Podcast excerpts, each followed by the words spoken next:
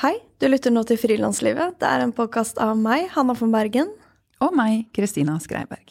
I denne podkasten så snakker vi med hverandre, og så snakker vi med frilansere og eksperter om hvordan det er å frilanse i den kreative sektoren. Denne episoden den er sponset av regnskapsprogrammet Fiken.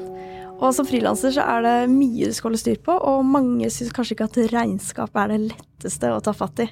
Eh, fiken har som mål å gjøre regnskap lett. I Fiken kan du sende fakturaer, du kan ta bilde av kvittering med Fiken-appen, levere moms og skattemeldingen, og alt fra samme sted.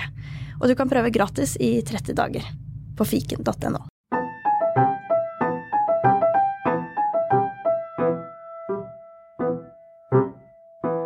I dag så skal vi snakke om det å dra på en lengre reise, og kombinere det å reise med det å drive for seg selv.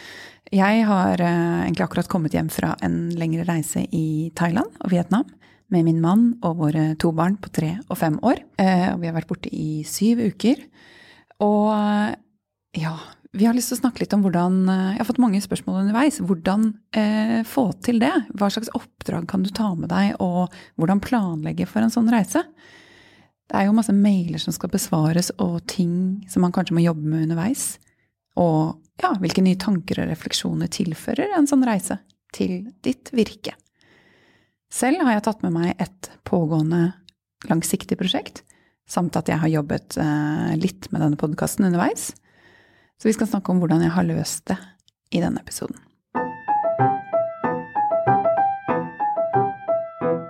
Og Hanna, vi tok jo faktisk opp denne episoden da jeg lå under en myggnetting på senga i Vietnam, hvor vi tok det opp over eh, ja, nettet. Og det ble sånn halvdårlig lyd. Ganske dårlig eh, nettforbindelse. Og ja, vi tenkte at det var bedre å bare gjøre det igjen. Ja. Litt som frilanser så må man jo teste seg ut på nye farvann som man ikke har beveget seg inn på fra før av. En av de tingene er hvordan få god lyd på distanse. Det har vært en, eh, en bøyg og vanskelig å få til. Så hvis noen der ute har fantastiske tips, kontakt oss. Og egentlig funka jo myggnettingen eh, som en ganske godt sånt lydstudio. Så det var ikke det det sto på. Men det er jo også lettere å snakke sammen når vi ser hverandre, syns jeg enn å, at jeg lå på en seng og var egentlig litt sånn i en annen sone. Jeg var litt sånn i en sånn reiseboble. Mens nå er jeg kanskje litt mer påkoblet. Så jeg håper jeg kan si noe smart om det å reise. Det er det vi skal finne ut. Eh, jeg er i hvert fall veldig nysgjerrig på å høre hvordan dine eh, refleksjoner har landet etter å ha kommet hjem. Har du lyst til å begynne med å fortelle hvor har du vært, hvor lenge har du vært borte, og hvorfor vil du ut på tur? Vi var borte i syv uker, og vi eh, var først i Thailand.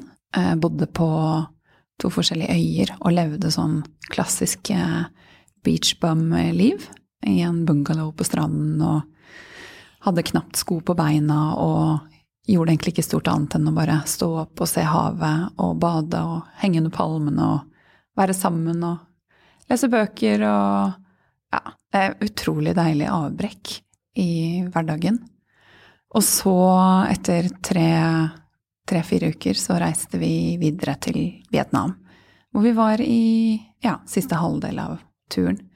Eh, hvor det var eh, ja, en del hakk mer kulturelt eksotisk. Eh, Vietnam var helt fantastisk. Begge deler var, var en kjempefin opplevelse, men det føltes som to forskjellige reiser.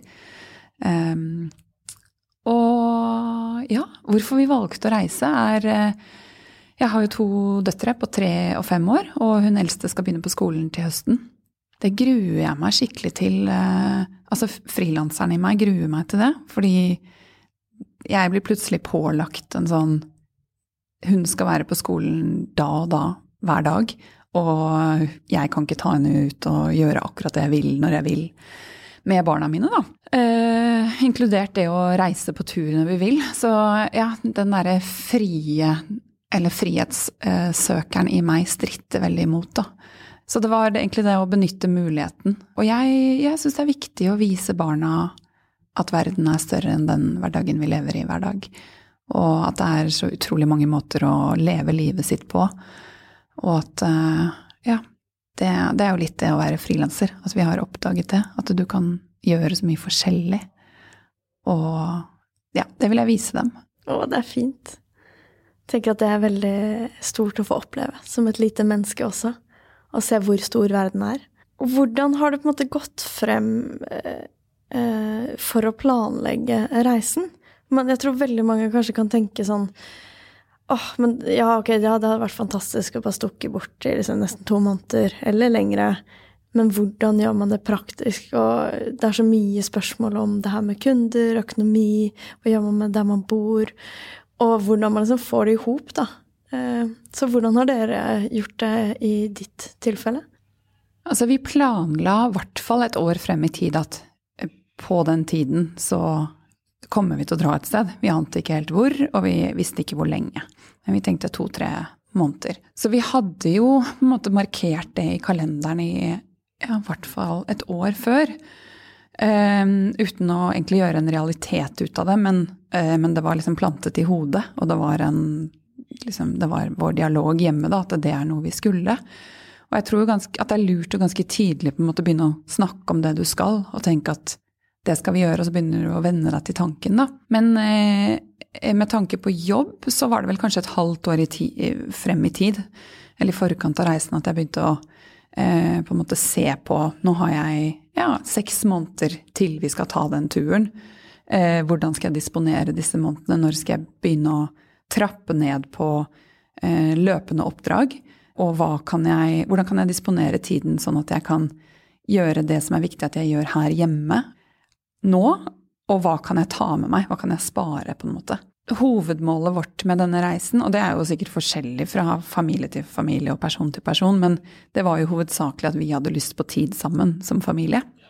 Og at ikke min jobb skulle være eh, Ja, det skulle på en måte komme i andre rekke. Så jeg har egentlig bare sett på det som en bonus at jeg har fått jobbet litt underveis, og det har vært nødvendig. Både for inntekt og oppdrag. Eh, og jeg har lyst. Ehm, men eh, jeg har vært veldig bevisst på at jeg har ikke lyst til å ha løpende deadliner eh, underveis i løpet av de to månedene. Fordi det blir så stress, og det blir veldig eh, At det legger veldig sånn føringer på hva vi kan gjøre, da, og hvor tilgjengelig jeg er for familien.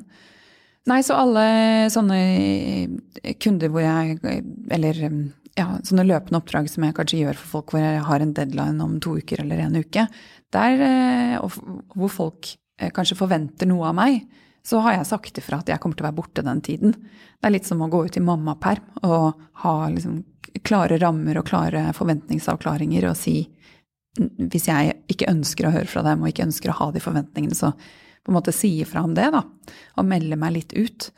Uh, og så er jo spørsmålet om man tør å melde seg ut, men det kan vi komme tilbake til etterpå. Men jeg hadde et bokoppdrag som eh, var, eh, skulle vare et helt år, som jeg fikk i fjor sommer. Og da visste jeg jo, det er jo en litt sånn heldig situasjon, at eh, dette skal jeg jobbe med hele dette året. Og det er masse sånn ting jeg må holde i, og det krever en viss fremdrift. Men jeg kunne legge opp kalenderen sånn at jeg gjorde alle intervjuene og gikk ut og fotograferte og eh, fikk tatt alle telefonene og alt som er viktig å få gjort før jeg reiste. Det kunne jeg gjøre før jeg reiste, og så kunne jeg ta med meg den der skriveprosessen, eller sitte og redigere bilder, eller ja, det som er lett å ta med seg, som jeg kan gjøre i mitt eget tempo, da. Og det samme med podkasten. Vi prøvde å disponere, eller få gjort så mye som var som mulig før jeg reiste, sånn at vi slapp å ja, at ikke du måtte forholde deg til meg, og så var jeg ikke tilgjengelig for deg. på en måte. Det er planlegging. Ja. Det her vil jo variere veldig i hvilket yrke du er, da. Um, veldig.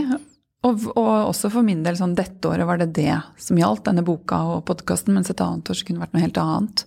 Så det varierer jo eh, fullstendig for Altså, ja, ut fra hva du driver med. Mm.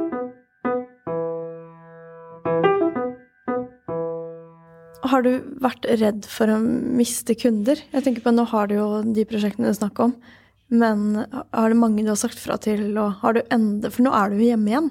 Har du kjent at det har vært en endring fra før du dro til nå, når du kommer tilbake? Altså Det med å miste kunder tror jeg man kan være redd for i hele sin frilanskarriere hvis, hvis, man går og tenker på det.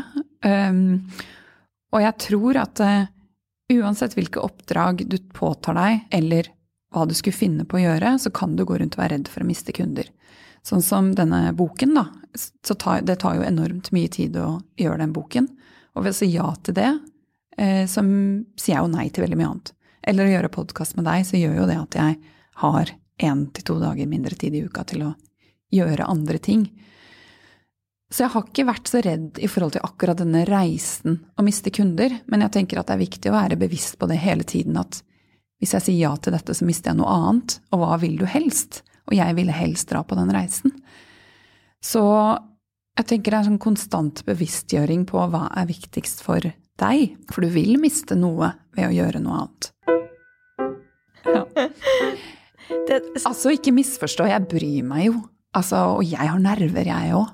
For om jeg har tatt riktig valg, eller om jeg brenner en bro fordi jeg alltid sier nei, osv. Men man må hele tiden ta de valgene, og man må hele tiden passe på tiden sin. Hva er viktigst for meg, og hva gir meg langsiktig verdi, helt personlig, for familien sin, for uh, samlivet sitt, for uh, helsa si, uh, og også for jobboppdragene sine. Og nå når du har kommet hjem, hvordan sitter denne reisen igjen i kroppen? Hva har du merka Altså, hva har den gitt deg, da? Har den gitt deg det du tenkte at den skulle gi deg, og familien din? Eh, det har den absolutt. Det viktigste for oss var å ikke se så mye på klokka, og bare ha mye tid til å være sammen og til å um, ja, leve i et helt annet miljø. Sånn som vi leide en, et lite hus i et nabolag i Vietnam med Og bodde på en måte sånn superenkelt, sånn som vietnamesere bor, med naboer som, eh, som, hadde skrikende barn, og som levde Folk lever liksom livet sitt like mye ute på gata som innenfor i husene sine. Og Espen satt og drakk øl med han som drakk litt for mye over gata. og kuer i gaten og høner og klesvasken vår som ble vasket av nabokona som bare hang rett utenfor, og masse mygg og masse sand og Ja, veldig sånn enkelt. Vi har eh, valgt å liksom variere litt med litt sånn komfort og veldig enkelt, for jeg syns det er viktig å vise barna det òg. Sånn bor vi her. Um, så det vil jeg få ut av det, og det har vi. Men jeg hadde kanskje et ønske om, og det har jeg hele tiden, å tenke de glupe tankene, da. Og ha mer ro i hodet til å få tenke litt sånn lange tanker og tenke fremover og ta et steg tilbake. Og det har vi jo absolutt gjort, men eh, det er ikke så lett å tenke lange tanker med to små barn rundt seg hele tiden. Og jeg har erfart at man tar inn veldig mye mindre av omgivelsene man er i når man har to små barn med seg. Fordi man må være så påkoblet dem. Eh, fordi de krever oppmerksomhet, og fordi man skal passe på de, og så videre. Så på andre reiser så har jeg nok, jeg eh, har nok sansene mine tatt inn mye mer av omgivelsene. Og jeg har fått sittet og reflektert mer enn jeg fikk på denne turen her. Men jeg hadde ikke forventninger om det heller. Så man tenker jo kanskje at to måneder det det kan virke veldig lenge, men det er jo også Det går jo utrolig fort. Har du følt liksom sånn Nei, jeg vil ikke hjem nå. Det er, ja, kunne vært her et år. Helt klart. Og vi, vi kunne vært der et år. Eh, eller fortsatt å reise, eller bodd et halvt år et sted, eller Ja. Helt klart. Så det har jo bare gitt meg mer lyst til å gjøre det. At ta med barna på tur og hjemmeskolere dem i et år, eller ja. Finne på noe sånt. Så absolutt. Eh, og jeg ville ikke hjem da vi skulle hjem. Og det er jo noe veldig fint eh, også, fordi det er jo en påkjenning å være sammen 24 timer i døgnet. Og jeg savnet jo også Jeg jobbet jo litt, men jeg savnet jo også å få lov til å sitte og dyrke jobben min. Fordi jeg er jo innmari glad i å jobbe også. For meg er jo det i perioder egentid. Så Men likevel, det er utrolig godt å bare koble seg helt av det som skjer eh, hjemme, og gjøre noe helt annet og selv bli påminnet om at det er så utrolig mange måter å leve på. Ja. Jeg tenker jo når jeg sitter og hører på det her, at det høres helt fantastisk ut. Og det her er jo noe enhver frilanser gjerne vil sikkert gjøre, da. Stikke bort, enten på ferie eller på jobbtur mm, i en lengre periode, eh, og loffe rundt. Men kanskje vi kunne snakke litt mer om hvordan har det konkret gjort Altså hvilke tiltak har vært de viktigste for å få det til å gå?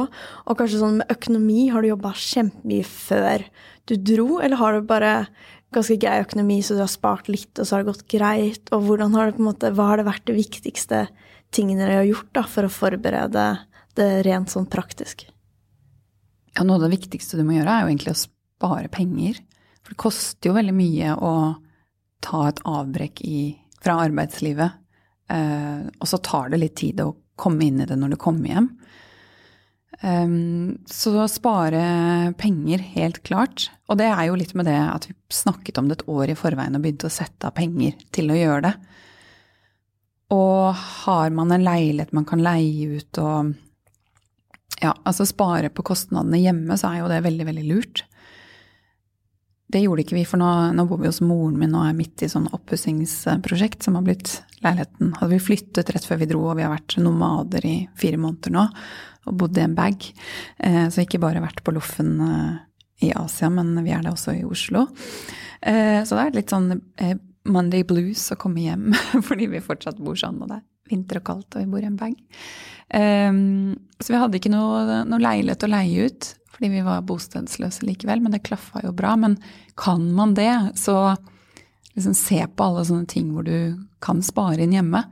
Og så er det jo mye sånn logistikk med å stoppe alle sånne abonnementer og alt som på en måte bare ruller og går, da, som du kan se om du kan fryse eller eh, ja. For å slippe alle de hundrelappene eller at eh, avisbunken utenfor døra bare tårner seg opp. Men det kommer jo kanskje an på hvor mye man vil det. Fordi vil man det nok, så blir kanskje ikke all den der logistikken så vanskelig. At man bare tenker at ok, hva må til for at vi skal gjøre det? Og det er ja, alle de tingene der, da. Eh, så Men penger er jo kanskje den største det største aberet. Så man må jo ha penger. Ja, og jeg tenker at det eh, handler jo både om å ville det, men også veldig mye hvilken situasjon er man i. Og hvilket ansvar har man, og hva slags type jobb har man, og hvor sårbar er man hvis man stikker bort, da. Helt klart. Men det er jo billig. Norge er veldig dyrt å leve i. Eh, så sånn sett, hvis man klarer å ha en inntekt på noe, eh, så, og leve veldig billig i utlandet, så er det jo eh, ganske mulig for relativt mange, i hvert fall. Og jeg tenker, Det med å ville det tenker jeg mer på logistikken. Men, men, økonomien så er det jo selvfølgelig altså Noen har jo altså, altså, Tjener man ikke nok penger, så er det jo veldig vanskelig å sette av de pengene. Um, så jeg føler meg jo Vi har snakket om det at vi ikke skal gå og si at vi er så heldige, for vi har jo jobba hardt for det. Men jeg føler meg jo likevel heldig som er et sted nå hvor jeg tjener godt nok til at jeg også kan spare litt. Eller jeg har fått oppdrag som jeg kan ta med meg men man kan jo løse det ved at man jobber mye mer enn det jeg valgte å gjøre på en sånn tur. Eller noen ønsker å dra på tur alene, eller dra med bare samboeren sin og begge har lyst til å jobbe underveis, eller eh, Altså for vår del så skulle det være på en måte en jobbfri reise, men eh, jeg snakket med min mann om at eh, jeg gjerne vil jobbe sånn ca. én dag i uka, og at det er nødvendig for å holde fremdrift i mine prosjekter. Og det er jo sånn cirka det jeg har gjort, men så det gjør jo at jeg har hatt, eh, på en måte holdt ting i gang, og det har ikke vært like vanskelig å komme hjem og plukke opp tråden. Men man kan jo velge å jobbe mye mer enn det eh, hvis man er frilanser. For da er det jo så utrolig mange ting man egentlig kan ta med seg. Og hvis man har prosjekter som er i forskjellige faser, som kanskje er veldig ekstroverte i en periode, men introvert i en annen, så er det jo, syns jeg det er det å ta med seg introverte ting på en reise, hvor du har mulighet til å sitte og reflektere litt mer og koble deg av det du vanligvis er i, og se ting fra et annet perspektiv, eh, så er jo det en veldig fin ting å gjøre i den der ferdigstillingsfasen av prosjekter, da. Om det er å redigere en film, eller eh, skrive musikk, eller eh, skrive ja, finpusse på en roman, eller ja. Mm. Når jeg jobba med eh, musikk til en sånn ny sirkusforestilling, så var det veldig vanlig De her sirkusartistene, de dro hele tida på tur i, og hadde sånn eh, residencies. Altså de dro til Cape Town og var der i tre måneder og utvikla en ny forestilling, eller dro en måned på en låve inni skauen og jobba med nytt materiale. Så de var veldig vant til å liksom Imellom forestillinger så var det et sted å utvikle noe nytt, da. Og det virka utrolig sånn ja, lokkende, den der tankegangen. Jeg kjenner også en venninne som er musiker, som fikk eh, stipend til å dra til Træna for å spille inn et album. Og være der og bare jobbe liksom en måned veldig aktivt med musikken. Så det fins jo ganske mange sånn muligheter, og mange steder man også kan søke om stipender og støtte, og steder som uh, har lagt opp til litt sånn jobblokasjon, da. Og det tenker jeg er jo, hvis det er det man ønsker eh, som frilanser, så er jo det å være frilanser en sånn ypperlig mulighet til det. Fordi du, du bestemmer jo på en måte hvor du sitter så lenge du får oppdragene dine gjort, eller får fullført prosjektene. Så jeg tenker at ja, det er eh, på en måte Har man anledning til det, med eller uten eh, familie, eller å stikke fra familien en uke for å sitte og skrive bok, det har jeg også gjort. Jeg ga ut en bok for noen år siden, og da hadde jeg bare behov for i en uke og kjente jeg sånn Jeg blir jo aldri ferdig, jeg får aldri satt meg ned lenge nok. Da dro jeg til en liten leilighet i, ved kysten i Spania en uke og bare skrev døgnet rundt og nøt at ingen skulle fortelle meg når jeg skulle legge meg eller spise eller eh, avbrøt meg på noe som helst vis. Og det er jo utrolig godt å kunne få lov til å bare sone inn i det man driver med og jobbe døgnet rundt hvis man har behov for det. Og det har jeg behov for noen ganger. Så ja. Mm, det er fint. Hvordan har din mann gjort det i forhold til denne reisa? For han har jo fast arbeid.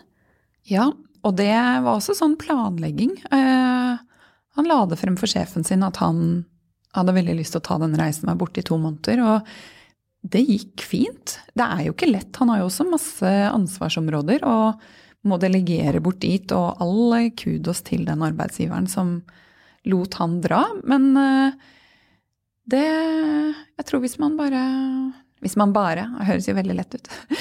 Men hvis man er litt sånn tydelig spør pent. Hvis man spør pent, er tydelig på behovene sine. Nei da. Det er i hvert fall eh, lurt å tørre å spørre. Og så får man se. Mm. Men det er jo ikke alle steder det ville gått. Nei, og jeg kan kjenne meg veldig godt igjen i denne tankegangen. Nei, men det går ikke, og, og jeg må være tilgjengelig hele tida, og, og, jeg kan ikke dra, eller Men det, det er jo også litt sånn Fins det noen muligheter som man kan rigge seg om? Sånn at man har en annen person som kommer inn, at man har pauser mellom prosjekter. Altså det er jo Eller liksom i stille perioder på jobben. At man kan jo også time det litt til hva man jobber med. Så jeg tror at det meste er mulig, bare man klarer å endre litt eh, den der eh, Man er så vant til å være så på, og man er så vant til å være så tilgjengelig og har satt en slags sånn Det er sånn her jeg må gjøre det.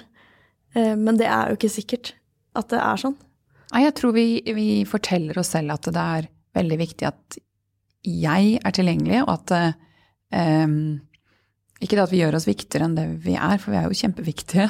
Men eh, noen ganger så går det kanskje bra at du ikke var tilgjengelig. Det er jo veldig lett å finne oppdragsgivere som gjerne vil at du skal være tilgjengelig hele tiden. Eh, og det kan jo være veldig fint i perioder å ha det.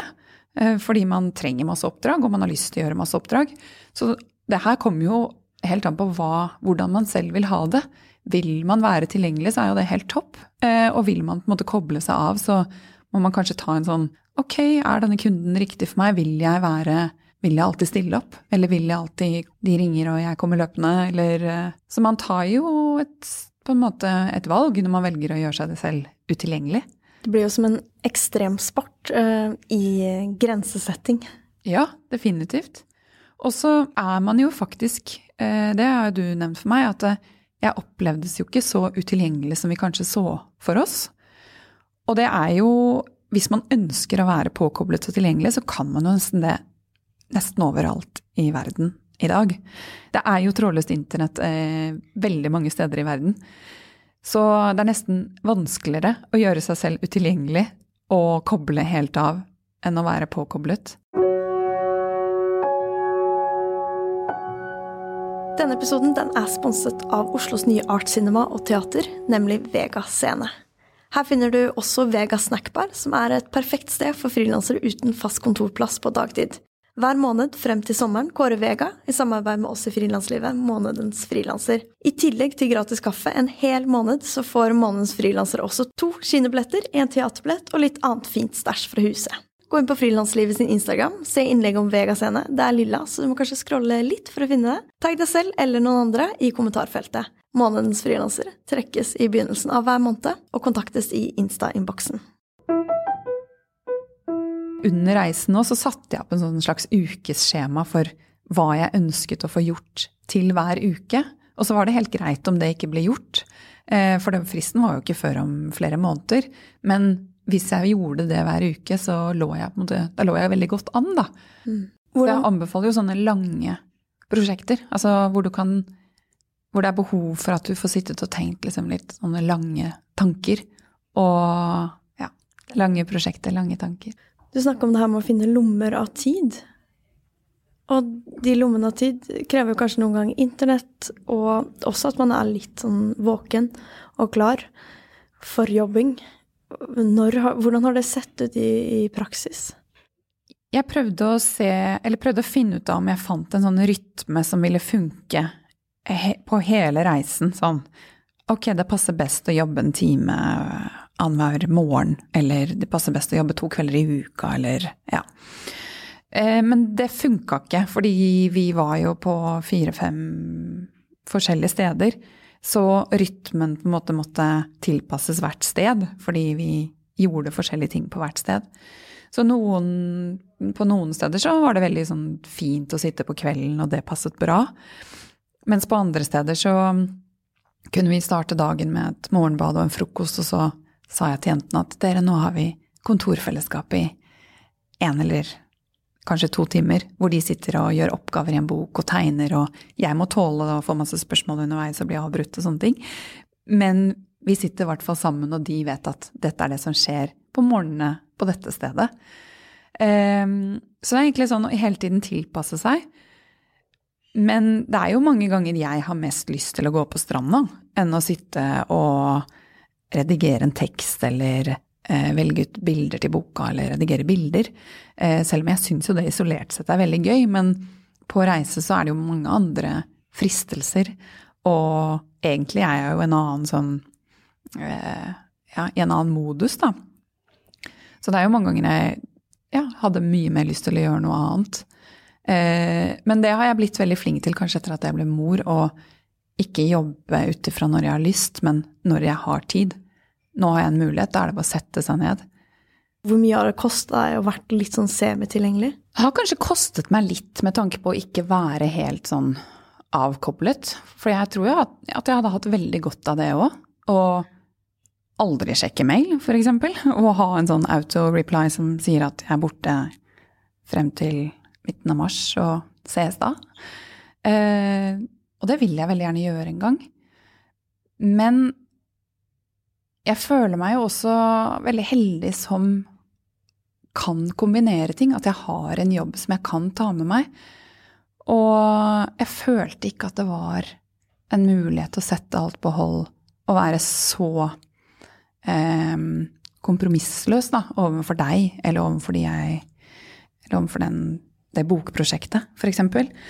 Eh, så jeg følte liksom at her får jeg litt sånn eh, det beste av begge verdener. Men jeg må bare finne ut en måte sånn at det funker for meg. Og det Da hadde jeg vel sånn som Ikke det at jeg er redd for å miste de tingene, men jeg liker jo også å holde det gående. Og det er jo fordi jeg brenner for de prosjektene, og fordi jeg vet at det ville blitt så utrolig mye mer å gjøre når jeg kom hjem. Så jeg kunne venta med den boka, men jeg ville jobbet eh, jeg vet ikke, titimersdager nå.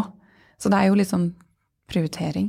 Og det har jo noen ganger kanskje vært litt vanskelig å på en måte Jeg har sittet og jobbet et par timer, og så skal jeg koble meg helt av det, og så dra på stranda, på en måte. Eh, så går jo kanskje den Jeg går jo da med litt sånn jobb i hodet.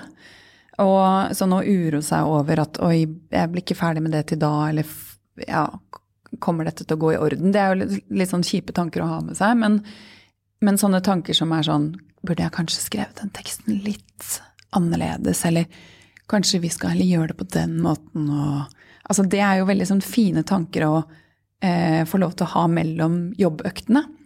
Som jeg tenker at jeg kanskje har for lite av i hverdagen ellers.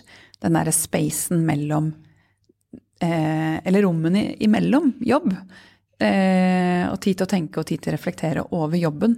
Som jeg tenker at tar jeg flere turer i skogen og reflekterer over den prosessen jeg er i, så ville kanskje resultatet blitt bedre. Og det altså, inviterer jo en sånn reise veldig til, da. Det her blir litt som all forskning som er gjort på det å studere til en eksamen eller test, at hvis du sitter og liksom nileser hele natta, og så går du av eksamen, så er det ofte at det går dårligere fordi søvnen gjør at du husker ting og får landa ting, og at læringen setter seg, da. Eh, så jeg tror også veldig på den der Jeg er dårlig på å praktisere det, men jeg er veldig enig i, i det tankesettet. At man må gi ting litt luft og litt tid og rom. Og så er det bare veldig vanskelig å få det til. Jeg, I min andre mammaperm eh, så jobbet jeg også en del. For da hadde jeg en utstilling et halvt år senere, eller, ta, eh, eller åtte måneder etter at Lucy ble født. Og det, i hvert fall det første halvåret av den eh, jobbperioden, så jobbet jeg bare to timer hver dag når hun sov på morgenen. Og for meg var det sånn en drømmetilværelse, for jeg følte at jeg, jeg jobbet også da med et langsiktig prosjekt. Og jeg fikk liksom litt det beste av begge verdener. Jeg fikk jobbet litt hver dag, men i mitt eget tempo, og ingenting hastet og sånn. Men så hadde jeg resten av dagen til å bare eh, trille og drikke latte og dulle med henne og være på babysvømming og Men eh, la den, det jeg hadde skrevet den morgenen, synke inn. Og gå og tenke skal jeg henge opp eller montere bildene på den og den måten, eller skal jeg ja, kanskje velge det coveret på boka og så det var så utrolig Ja, utrolig fin eh, måte å jobbe på. Å ha så mye space mellom eh, jobbeøktene. Men på reisen så merket jeg jo også at det, når jeg først kommer inn i en sånn god jobbflyt og sitter i to timer, og så Der, etter de to timene, så var tiden min over, fordi da kaller eh, familien og reality, liksom. At jeg kan jo på en måte altså, lengte litt etter å jobbe, for jeg elsker jo også det. At det bare Å, å nei, ja ja, jeg vil jo at vi skal dra på besøk til den familien der nå, men, eh, men hva med jobben min? Jeg vil jo egentlig også bare sitte her og jobbe. Så det, jeg føler jo ofte med det å jobbe med ting man digger å jobbe med, så blir man dratt i begge retninger, da. Mm. Det Ja. Så det kan være vanskelig å sette seg ned og jobbe fordi man har mest lyst til å dra på stranda, men når man først kommer inn i det, så er det det man har mest lyst til å bare fortsette med. Mm. Jeg er aldri fornøyd.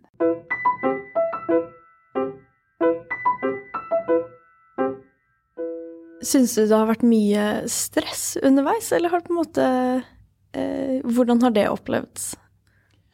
Altså, det har jo gått sånn relativt bra, fordi jeg har da planlagt rimelig bra og hatt materialet jeg trenger, osv. Eh, men jeg lagde jo en plan for hva jeg ønsket å få gjort. Og den, det er jo fint med en plan, men man må prøve å også løsrive seg litt fra den planen. Fordi jeg har jo merket at jeg blir liksom litt sånn grumpy å være rundt når jeg føler at nå henger jeg veldig langt etter min eh, indre plan, da. Eh, og det er jo ikke som at jeg har eh, forklart Espen at jeg skal ha gjort det og det til da. Han bare vet at jeg har behov for å jobbe iblant. Så noen ganger så har det jo vært dager hvor jeg bare sånn Vet du hva, nå har det gått en en og en halv uke uten at jeg har hatt to-tre timer til å jobbe, så nå må jeg bare få satt meg ned og jobbet. Eh, Hva da, som at det er hans Eller at du blir litt irritert på han? Nå må jeg han, få litt space her, ja, sånn. liksom. Eh, ja, om det, jeg får litt sånn Det stressuget kommer, da. For dem det absolutt melder seg. Um, og det tar jeg jo ut på han, selvfølgelig, fordi vi er sammen, og det er han som uh, tar min tid, da, på en måte. Så det, det har gått bra, men uh, han har jo fått, en gang imellom fått en sånn Vet du hva, nå bare jeg, Nå må jeg få satt meg ned. Det Ja. Mm. Er det, hva er liksom det lengste du har gått uten å jobbe? Sånn en og en halv uke var det vel kanskje. Kan, ja. Eller nesten to. På turen, men sånn generelt? Oi. Eh, jeg jobbet vel ikke i sommerferien, og den varte en måned. Jeg, jeg gjorde to podkastintervjuer, da. Så det er jo litt. Men fordi jeg var et sted hvor det passa, liksom. Så Men eh, jeg vil regne det som en måned, ja. Mm. Mm. For jeg merka det her litt uh, i det siste, det her med å liksom ta seg fri og, og koble av. At jeg, jeg kan noen ganger bli litt sånn stressa av det, fordi at jeg er så vant til det motsatte. Jeg er veldig vant til å jobbe veldig mye i helgene, og jeg har på en måte ikke noe kjæreste, og jeg har ikke jeg har mye rom da, til å være tilgjengelig og til å sitte og jobbe. Ofte så har jeg likt veldig godt å jobbe lørdag og søndag når ingen andre jobber, i forhold til at da kan jeg virkelig sånn sitte og bare nyte og mikse, eller gå gjennom mail og, og ha liksom en litt sånt annet fokus. Men uh, da nå, nå i det siste så har jeg begynt å date en fyr, så, som er ekstremt tilstedeværende. Og det har vært veldig sånn fin opplevelse for meg, og vært veldig sånn beundringsverdig å tenke at jeg vil, jeg vil være en sånn person som er skikkelig til stede i de samtalene jeg har, i vennskapene, i, i feriene, i, i, det man gjør når man gjør det. Og det har gjort at jeg er ekstremt mye flinkere nå, også fordi vi ses. Og han har en jobb hvor han ikke bruker noen timer her der. Han er på jobben, eller så er han ikke på jobben. Eh, og da har det gjort at jeg har tatt skikkelig fri i helgene. Skikkelig bra. Og det er superbra, men da husker jeg at jeg sov over hos han. Og så våkna jeg sånn fra søndag til mandag, og så fikk jeg sånn sånn følelse. Og hun bare 'Å, herregud, det, var, å, det er det og det og det og det', og det, og det bare kom over sånn, sånn stressbølge, da. For da hadde jeg bare kobla hjernen helt ut i flere dager uten å tenke på ting jeg skal gjøre, og ligge liksom mentalt, ha liksom en plan, da. Og veldig sånn god oppvekk, hva heter det, wake-up call, for å liksom forstå litt sånn at enten må jeg kutte på mengden, eller så må jeg liksom lære meg å bare koble av, og så kunne koble på igjen. Eh, uten at det oppleves så liksom ah, så hardt, da. Og det stressuget er jo veldig sånn åh, å få. Ja, bare, ubehagelig. Og det, eh, det, det, er jo sikkert fordi det er en masse man skulle ha gjort, og du heng, var bakpå på mandagen osv. Men noen ganger så er det jo også, i hvert fall på reisen, merket jeg sånn, fordi jeg har tenkt at åh, jeg, det burde jeg ha gjort. Og jeg, nå, jeg vil gjøre det nå. Eh, og nå kommer det stressuget. Og eh, at man har litt sånn uro inntil man får satt seg ned og gjort det. Eh, og det må man prøve å leve med. Ja, og likevel være en god versjon av seg selv. Hva skal man gjøre med det? Man får jo ikke alltid utløp for det hvis man er rundt andre, da. Nei, jeg syns det hjelper å tenke litt. Denne episoden med Nosisve syns jeg var en ga meg personlig en del sånn tanker rundt det, å tenke liksom i perspektivet fra de rundt deg. For hvis du er på denne ferien, og du sier sånn nei, nå, nå, skal jeg sitte, eller du hadde vært for utilgjengelig, da, da hadde jo egentlig påført de ganske mye sånn stress, men også eh, hadde, Det hadde kosta mye for de da, å ha vært på ferie med deg. Og det er litt sånn hva forventer man av folk rundt seg eh, for at jeg skal kunne gjøre det jeg vil gjøre? Og får du mer ut av å sitte og jobbe enn det det, det koster de, da, avhengig av hva de skal gjøre, og, uh, og det å kunne være liksom tilstedeværende. Og det er liksom hele tida den balansen med hvor, hvor utilgjengelig jeg er mentalt hvis jeg ikke setter meg ned og gjør det nå, versus hvis jeg går og liksom er på den middagen eller drar på det selskapet eller henger med familien. Helt klart. Og veldig mange ganger så er det jo sånn hvis det koster dem veldig mye, så koster det oss alle mye. Alle fikk liksom knuste forventninger, og den dagen ble ikke så bra. Eh, mens noen ganger så merker jo Espen og jeg at det, er best for alle at jeg får gjort det jeg trenger, eller at han får gjort det han trenger. Eh, det er jo ikke bare jeg som jobber. Eh, eller får han får løpt en tur i skogen, eller jeg får gått på yoga. Eh, så man, ja, man må hele tiden veie den summen av egne behov eh, opp mot de man forholder seg til i sitt liv, da. Så jeg tenker sånn at frilanslivet, som livet generelt, er jo en sånn konstant prosess, og at du vil jo gå igjennom, hvis man er frilanser lenge, mange Det blir jo med deg forskjellige livsendringer også. Og så har man perioder hvor det er helt naturlig at du er supertilgjengelig, du jobber masse. Det gir deg mest å gjøre det. Mens i andre perioder så eh, Eller andre faser av livet så er det ikke det som gir deg mest, eller det du skal gjøre lenger, eller ja. Mm. En annen sånn stressting er jo også sånn som kvelden før vi skulle dra, så legger, går jeg og legger meg, og så får jeg en sånn Å, herregud, jeg må ta backup av eh, Altså en, jeg må planlegge alle bildene jeg skal ha med meg som jeg skal jobbe med underveis, og få lagt over teksten, og jeg må ha med en ekstern disk og eh, så videre. Men jeg må også ta backup som ligger her hjemme. Eh, og har jeg satt på timemaskin og ja. Og jeg bare sto opp og ja, satt oppe til sånn tre-halv fire på natta og liksom stresset da, for å passe på at eh, For jeg fikk helt noia. Hva hvis bare alt blir borte mens jeg er på tur, eller jeg har glemt noe, eller Det er jo veldig sånn Det er lett å pakke Eller kanskje lett å glemme passet sitt òg, men eh, å glemme en bildefil, da, hvis Sånn som jeg hadde levert bilder til en kunde. Og så skal de velge hvilke bilder de vil ha, og så skal de få de tilsendt høyoppløselig, og da må jeg ha de bildene med meg, osv. Sånn, hvilke kunder er det som kanskje kommer til å spørre om det?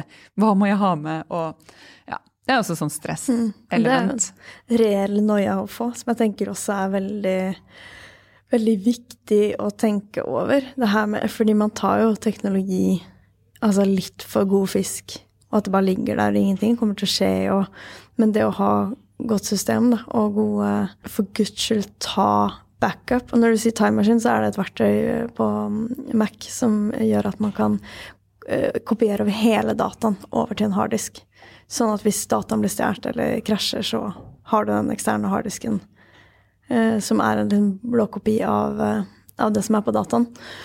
Men apropos sånn egne prosjekter. Jeg har det som et eget prosjekt at jeg må bare sette av én til to uker for å få systemet i alt jeg har liggende. Altså mitt eh, eh, digitale liv, som det absolutt ikke er like ryddig i som jeg har hjemme i leiligheten min. Mm. Eh, og det ja, det er et sånt prosjekt jeg må sette av tid til. Ja, jeg pleier noen ganger å gjøre det i ferier, men det er jo egentlig ikke så bra. Men jeg, Nå skal du være sammen med den nye fyren. Ja, ikke sant. Ja. Forhåpentligvis. Men uh, jeg hadde en opplevelse som jeg syntes var veldig morsom i Texas. For da var jeg fire måneder der som en del av masteren. Og så klikka Mac-en, og så dro jeg på liksom Apple. Og Apple i Texas er uh, Altså i Houston, da, hvor jeg var, jeg var helt fantastisk. Du kunne bare gå inn og få det fiksa med en gang. Og det er sånn jeg tenker at det burde være fordi de skulle levere dataen innen to uker og låne eller annen crappy lånedata, eller da må du jo Altså, helt, du tar jo bort hovedverktøyet, hvis det er det du bruker, da. Og der kom det inn en fyr, i hvert fall, mens jeg satt i køen og venta. Så kom det inn en fyr og var sånn Oh my God, I don't know what to do. It just died. og så sier han fyren i kassa var sånn OK, but what happened? I don't know, it just went black and it died. Og så sier han OK, but did you, uh, did you take a backup? What do, what do you mean backup? but did you take a backup of, of your computer with an external hard drive? What do, what do, you mean external hard drive? Var sånn, det, var helt sånn det var helt sånn fremmedspråk, da. Og helt umulig å skjønne noe som helst. Og det er så klassisk at man er sånn Shit, kan det forsvinne? Uh, og jeg fikk så vondt av han fyren. Og så tenkte jeg bare sånn Nei, men hvordan kan du ha Du må jo lære deg det her! Og jeg håper jo dette høres ut som en sketsj for lytterne. For det er jo liksom klassisk sketsj. Uh, og at det ikke er fremmedord for uh, dere, da. Det, det, regner jeg jo ikke med. Men man, man, kan jo likevel glemme det. Og gjøre ja, ja. det med jevne mellomrom. Man må ha på liksom en slags sånn timer eller to do, eller For man tenker ja, jeg gjorde det for litt siden, så var det halvt år eller et år, eller Og det kan jo være mye greier som går tapt der, og når det er liksom alt det du jobber med, og ja, ganske essensielt å ha en del i en cloud, altså Dropbox Drive, eller ha ekstern harddriver. Men hvis dere lyttere får et sånn stress-sug eh, i magen når vi snakker om backup, så er det et signal om at dere må gå og ta backup. Do it. oh.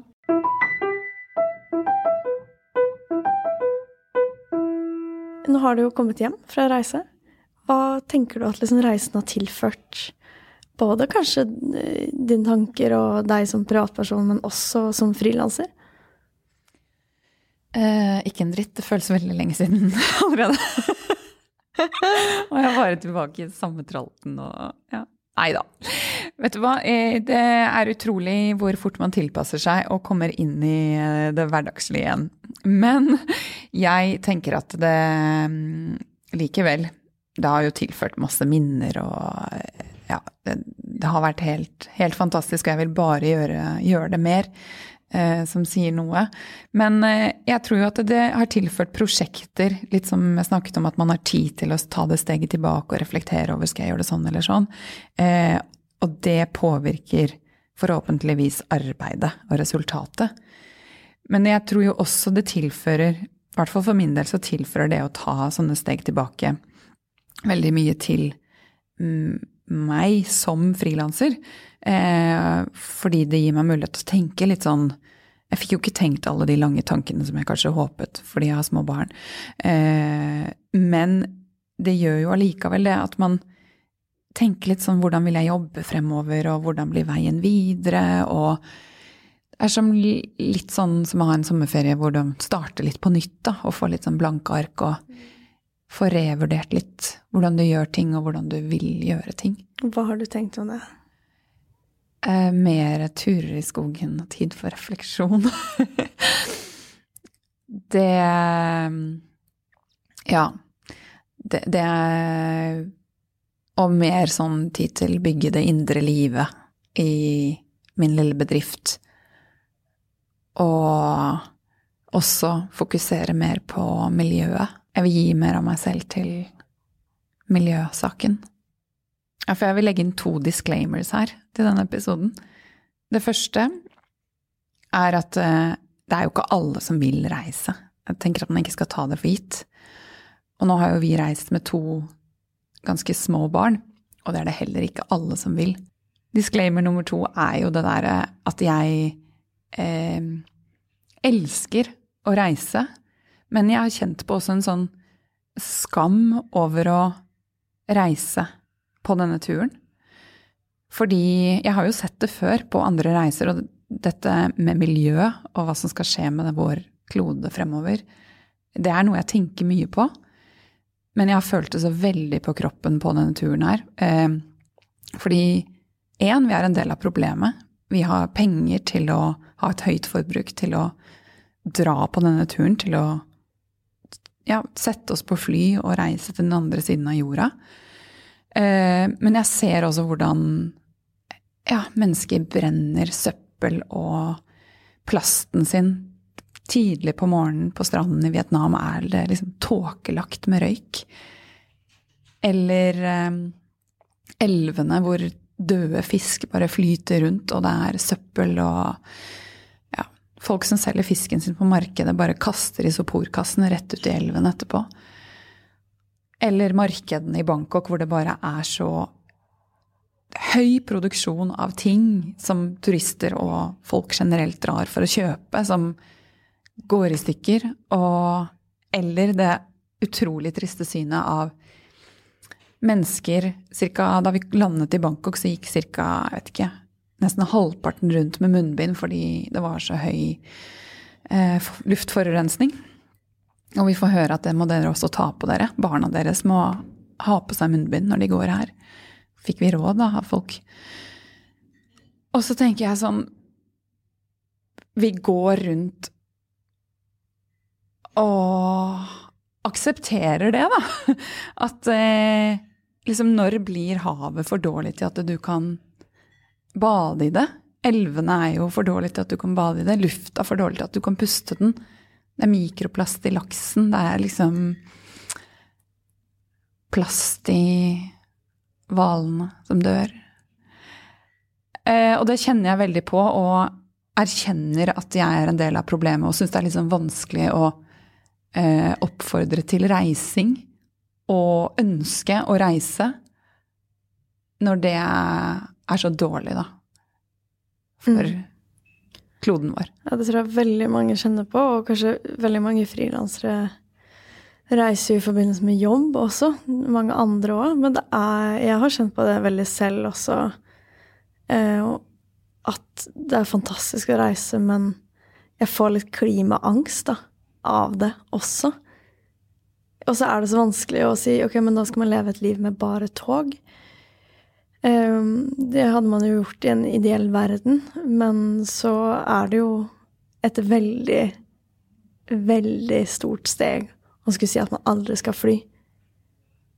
Så hvordan har det føltes ut med ehm, Har dere liksom tenkt på det i forhold til hvordan dere har lagt opp reisen, eller hva, Hva er dine refleksjoner rundt det? Altså, det vi Det vi har gjort, er å hvert fall kompensere for CO2-avtrykket vårt. Ved å Ja, det kan man gjøre på mange måter. Er, egentlig syns jeg jo det burde være en del av billetten du kjøper. At du også kjøper eh, CO2-kvote. Det fungerer slik at du har et CO2-avtrykk ved å ta den flyturen, eller og du har et avtrykk fordi du lever. Eh, det har vi alle, i større eller mindre grad. Og kjøper du CO2-kvote, så går de pengene til gode eh, miljøprosjekter. Til eh, forskning eller til å bygge opp regnskogen eller ja, naturlig energi eller hva enn det skulle være. Ting som gjør at det på en måte kommer i balanse, da. At det de store, sorte avtrykkene du har hatt etter den flyturen, tilfører noe som skaper renere luft og ja, er bra for naturen. Så det har vi i hvert fall gjort, og det, er, det, har vi valgt å gjøre via noe som heter eh, Choose, med tre ord, tror jeg, som er en norskstartet organisasjon hvor du kan kjøpe et abonnement hvor du hver måned betaler og kjøper eller bidrar til gode miljøprosjekter. Og det er, jo, altså det er jo noe positivt som har kommet ut av den reisen. Det er noe jeg har gått og tenkt på lenge. Men som på en måte alt det jeg så på denne reisen, var eh, dråpen. da. Og jeg tenkte at selvfølgelig skal vår familie ha et sånt abonnement. Som eh, jeg tror for liksom de hundrelappene vi betaler i måneden, så eh, er det samme som å utslette ganske mange turer fra Oslo til New York med fly, da litt sånn, sånn, akkurat hvordan dette fungerer, det, det, det, kan jeg ikke nok om. Men jeg, og det er jo ikke noe man skal gjøre for å frikjøpe seg det man har gjort. Men nå satt jo vi på en øy i Thailand og tenkte at vi har tatt denne turen, noe må vi gjøre. Og det er jo også, handler litt om at vi er mennesker som eh, bor i ja, denne delen av verden og sannsynligvis har mulighet til å eh, i hvert fall kompensere for Eh, den delen vi er av problemet, i tillegg til alle andre ting vi selvfølgelig burde gjøre.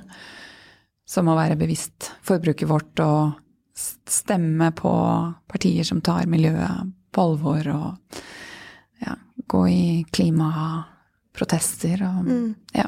ja. for det er jo noe med det å reise sånn som du har gjort, uh, gir jo mye refleksjon rundt miljøet også, og kanskje endrer din livsstil Eh, og hvordan du har lyst til å jobbe for å bidra inn mot miljøet, som du sa i stad, resten av livet. Så det er jo sånn Det er som Al Gore, da, som reist rundt og hatt foredrag om miljøet og klimakrisen. Det er veldig vanskelig å bare si at nei, han kan ikke fly for å gjøre det. Eh, og, men samtidig så er det det der med at man må være reflektert rundt og faktisk prøve å endre sine vaner, da. Så langt det går. Og det er det jeg også tenker med tar jeg en flytur, så vil jeg at jeg skal bringe mer bra til kloden vår tilbake for det inngrepet jeg har gjort, da. Og så tror jeg ikke alle skammer seg over å fly helt enda. Eh, men jeg syns jo det i hvert fall er positivt at vi har kommet Eller du og jeg, da. Eller at vi sitter her og snakker om den skammen. Fordi jeg kjenner jeg kjenner på en skam, da. Og sånn som vi begge, sånn som jeg var, hadde et oppdrag i Bergen eh, like etter jul, og da tar jeg heller toget frem og tilbake og tenker at ok, jeg har en arbeidsdag på toget, mm. eh, fordi jeg har ikke lyst til å fly.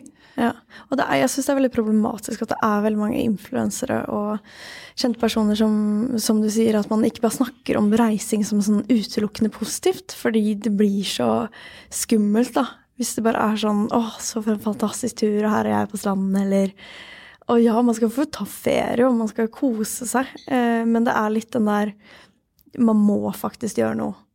Og man må eh, Man må ha litt sånn harde krav, da. Og det tror jeg ikke skjer hvis man ikke sosialt Altså det er jo liksom hva sosialt aksepterer man, og hva gjør man ikke. Eh, du kanskje du ser litt sånn ugle litt på noen som kanskje ikke resirkulerer, fordi det er blitt en standard, da at det bør man gjøre. Og det er såpass liksom enkelt å gjøre det. At, eh, og, det ja, og, det tenker jeg jo rundt veldig mye av liksom, de tiltakene man kan gjøre med miljøet. At uh, det er veldig fint å, å, faktisk kanskje skamme seg litt, da, for det gjør at man endrer det, skal, det er litt sånn Det skal jo det kommer til å koste en litt å endre livsstil. Og det er veldig vanskelig å være ekstremt miljøbevisst og ha lite avtrykk ved å bare fortsette som før. Og jo mer det å være bevisst miljø blir normen, eller sånn ja, at du er litt flau hvis du ikke gjør det og det, jo bedre er jo det. Og det er derfor jeg tenker det er viktig å snakke om det, da. Ja. Og det, vi flyr jo Men jeg har virkelig prøvd jeg tenkte, når jeg var yngre, så tenkte jeg ikke på det i det hele tatt. Da var jeg bare sånn Å, fantastisk stikke liksom helgetur dit, eller en uke dit, eller Det var utrolig uproblematisk. Som yngre så hadde jeg ikke en tanke om at det her var noe som gjorde noe negativt, da. Eh, mens nå har jo det endra seg drastisk, og virkelig prøver å, å være bevisst, da. Og hvilke reiser kan man ta tog, og hvilke reiser kan man sløyfe, liksom. Ja. Mm. Vi var på Jeg tok med Ada, den eldste datteren min, på sånn, eh, noe som heter Trash Hero. Eh, som er tiltak rundt i Asia hvor man, mennesker kommer sammen og rydder eh, strender for søppel. Og vi var kanskje 50 mennesker som ryddet en strand eh, i Thailand i to-tre timer. Og vi plukket opp 750 kilo søppel i løpet av de timene. Det. Så det er sånn Det er jo Det er bare én strand, eh, og det er så jævlig mye mer søppel der ute. Men eh, vi kan også velge å gjøre noe, da.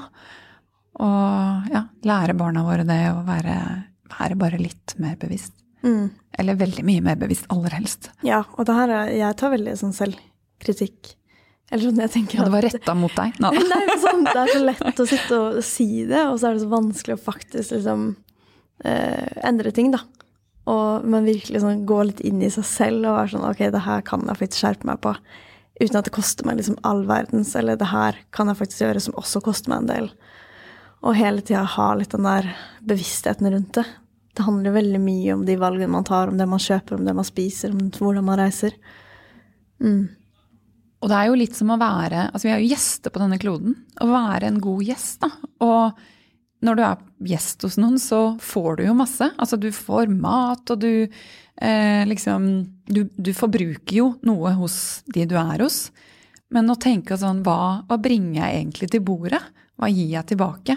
Og det er sånn jeg har begynt å tenke litt med, med det å leve, da. At hva, hva kan jeg tilføre av eh, Selvfølgelig mellommenneskelige ting også, men hvordan kan jeg gjøre noe godt for den jorda jeg er gjest på? Ja. Og jeg syns at det er mye lettere å tenke på de her tingene og også ha en miljøvennlig livsstil når jeg har bedre tid. For det har jeg følt så ekstremt på når jeg har jobba veldig mye. Så blir det liksom, det blir take-out hver dag. Det blir at man kanskje må kjøpe noe, eller fordi man fant ikke det andre, eller Det her liksom Det tar jo lengre tid å ta mer research, og det å kjøpe brukt er jo litt mer sånn kronglete enn å bare gå i butikken og kjøpe noe nytt, eller Så det er jo en del Jeg syns at ved å jobbe litt mindre, eller litt mer vanlig, så er det litt lettere å tenke på det og og ta de valgene òg, da. Og jo mer tilgjengelig det blir i butikker, altså Når jeg har vært i Stockholm, så er det jo liksom vegetarisk og vegansk overalt, og fantastisk mat, og det gjør det jo veldig lett å ta de valgene òg, for det blir ikke noe sånn her å, det er bare den salaten på menyen som er isbergsalat med tomat, liksom, som er dritkjip, ellers er det sånn kjempemye digg.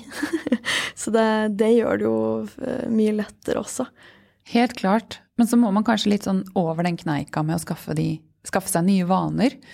Og veldig mye av det som er bra for miljøet, er jo også bra for helsen din, og veldig ofte også bra for økonomien. Eh, Så hvis man velger det, da, så kanskje man ikke må tjene så mye penger og være så busy og bli så mye sjuk og liksom Ja. Så en evig sirkel. Og det her er noe vi har lyst til å gjøre egne episoder om. Er det her med frilansing og miljøet. Hvordan forholder musikere seg til det når de skal turnere, f.eks. Hvordan hva slags material bruker kunstnere? Altså, det fins så utrolig mye måter å prøve å gjøre ting miljøvennlig. Og det er interessant å høre om hvordan folk gjør det i ulike yrker, og forholder seg til, forholder seg til det. Så hvis dere har tips på folk dere syns hadde vært interessante om vi prata med, ta gjerne og skriv i Instagram-innboksen. Veldig gjerne. Og nå ble jo denne episoden nesten like mye om miljø som å være på reise. Men det likte jeg, Anna. Ja. Ja, det, det er kjempefint. Og jeg er veldig glad for å ha deg tilbake. Å, det er veldig hyggelig. Takk for eh, dine fine tanker, Kristine. i like måte. Ha det. Ha det.